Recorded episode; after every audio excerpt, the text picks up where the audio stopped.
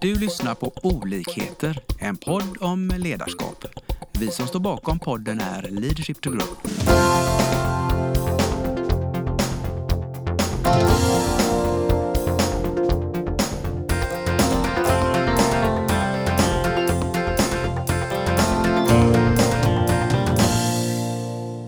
Hej och välkomna till dagens avsnitt. Idag så är det eh, Nicole, jag, och så har vi även Mats Andersson. och Och Jesper. från Leadership to Grow som kommer att prata om lönsamt ledarskap. Mats, det här ligger ju dig nära hjärtat. Vill du eh, berätta lite, vad är eh, lönsamt ledarskap? Ja, det är en bra fråga. Men jag tänker så här, eh, ledarskap och lönsamhet, det gäller ju på något sätt att vara medveten om sitt ledarskap så att det blir lönsamt. Så i grund och botten, eh, ha en lite djupare tanke om vad vill jag med mitt led- ledarskap och prata om det i den organisationen där man jobbar så att det finns tydliga syften och mål med det ledarskapet som man har i sin organisation. Så ungefär. Jättebra. Men vill du utveckla lite just eh, kring det här? Ja, eh, ja, men om vi säger så här då. Vi försöker plocka in lite forskning i det hela. Då, då kan vi bara konstatera att Sverige sticker ut på den kulturella världskartan när det kommer till värderingar. Vi i Sverige fokuserar på självförverkligande mer än något annat folk i världen samtidigt som vi har allt mindre förtroende för tradition och auktoriteter. Eh, oj. Precis. Men vad betyder det då, Ja. skulle man kunna säga. Alltså, vi gillar inte att göra som, som andra säger. Vi gillar inte auktoriteter. Vi vill göra som vi själva tycker är vettigt. Eh, vi har ett stort behov av att liksom få förverkliga våra egna idéer och tankar. Eh, och det, alltså det, det är klart att det ställer ju stora krav på eh, arbetsgivaren. Eh, såklart. Men det öppnar också upp för stora möjligheter. Vill du utveckla det? Ja, vi plockar in lite mer forskning då. Då, då. då kan vi konstatera att de företag som är visions och värderingsstyrda de är 12 gånger lönsammare än de som inte är det. Intressant. Mm. Och där i tänker jag att det här liksom, då börjar det här gå ihop med den första forskningen jag presenterade eh, som handlar om världskulturskartan och den här forskningen då. För om man ska försöka illustrera det här på något sätt så s- betyder det då att om vi har en starkt förankrad, accepterad och kommunicerad vision. Vart ska det här tåget? Ja, men det är på väg mot östkusten. Eh, Stockholm, mm, Uppsala. Lite, lite svårt att säga. Det går inte att säga exakt. Nej. Men vi ska mot östkusten. Inte, inte Skåne och inte Norrland. Och, och vi åker inte, om vi utgår ifrån västkusten då, så åker vi inte mot Danmark heller. Så alla vet vart vi ska. Och sen så har vi en ordentligt kommunicerad gemensam värdegrund eh, med ett antal värderingar då som vi tror om vi tänker att värderingarna ska styra våra beteenden så tror vi att det är de här beteendena som kommer vara framgångsrika ombord på det här tåget för att ta oss mot östkusten. Låter det rimligt eller blir det rörigt? Jag tycker det låter rimligt. Vad tycker du Jesper? Ja, jag tycker att det låter både rimligt och lite rörigt. Hur ska man som ledare liksom förhålla sig till det här lönsamma eh, ledarskapet? Ja, men bra, jättebra. Eh, hur ska man som ledare förhålla sig till det här ledarskapet? Det, det, vi i Sverige vi, vi behöver trygghet och vi behöver frihet. Så det gäller att hitta någon form av balans där.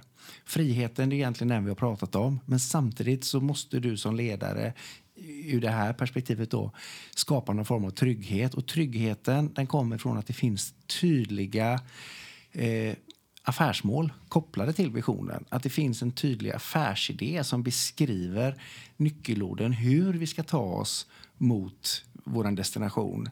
Att det finns alltså syften, mål, tydliga strategier Eh, att det finns staketstolpar som är tydligt förankrade. Där kommer tryggheten. Så att... Eh, Så man, så man skulle kunna säga att det är mer eller mindre frihet under ansvar? Jättebra. En gammal klyscha, men Ja. absolut. Är det någonting vi här i Norden och, och kanske Norden i allmänhet och Sverige i synnerhet vill ha så är det frihet under ansvar. Men vi får ju inte glömma att vi jobbar i en organisation och organisationen vill ju någonstans. Så det går ju inte att släppa ombord vem som helst som har en idé om att liksom självförverkliga sig ett område som inte har med företagsmålen att göra. Nej, och sen blir det lite skevt i balansen om man har för mycket frihet också, eller för mycket ansvar. Ja, nej, men det är precis så. Ansvaret blir ju lätt att tratta ner i kontrollfunktioner, pekpinnar och det är just det vi ska försöka undvika. Utan låta värderingarna och beteendena självmant styra eh, alla medarbetarna i organisationen. Ungefär så. Precis. Och det hänger också ihop lite det, det du pratar om här kring eh, att det ska vara kopplat till affärsmålen just så det inte blir för spretigt. eh. Ja, och där kommer ju då lönsamheten in, för det var ju där alltihopa började. med det lönsamma ledarskapet. Och det tänker jag är ett exempel på vad ett lönsamt ledarskap skulle kunna vara. Men, men eh, det allra viktigaste i det här skulle jag ändå vilja säga att det finns en medvetenhet om vilken typ av ledarskap jag väljer.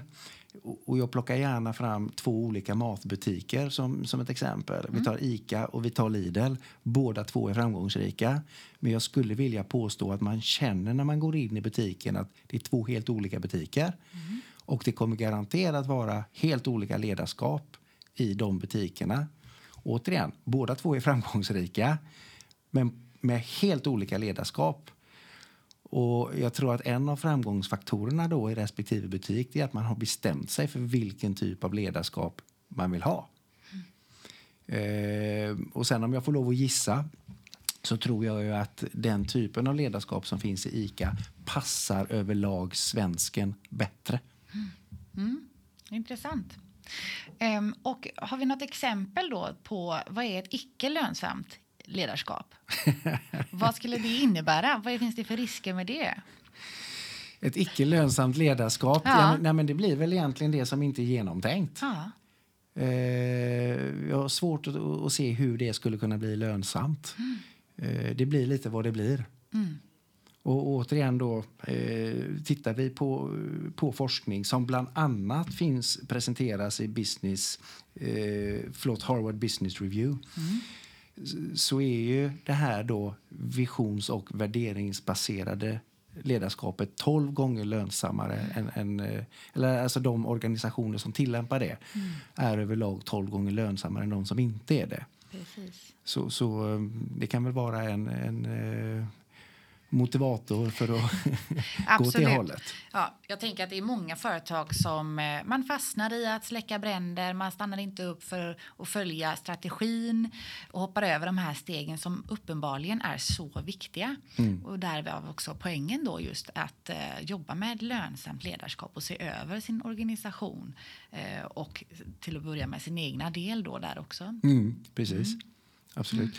Men sen ska man ju inte glömma då att det här handlar inte bara om att man ska släppa lös krafterna och så får det bli lite grann vad det blir. För, för det är ju inte det det handlar om. Utan staketstolparna måste finnas där. Just det. Och, och det betyder inte att man inte ska följa upp.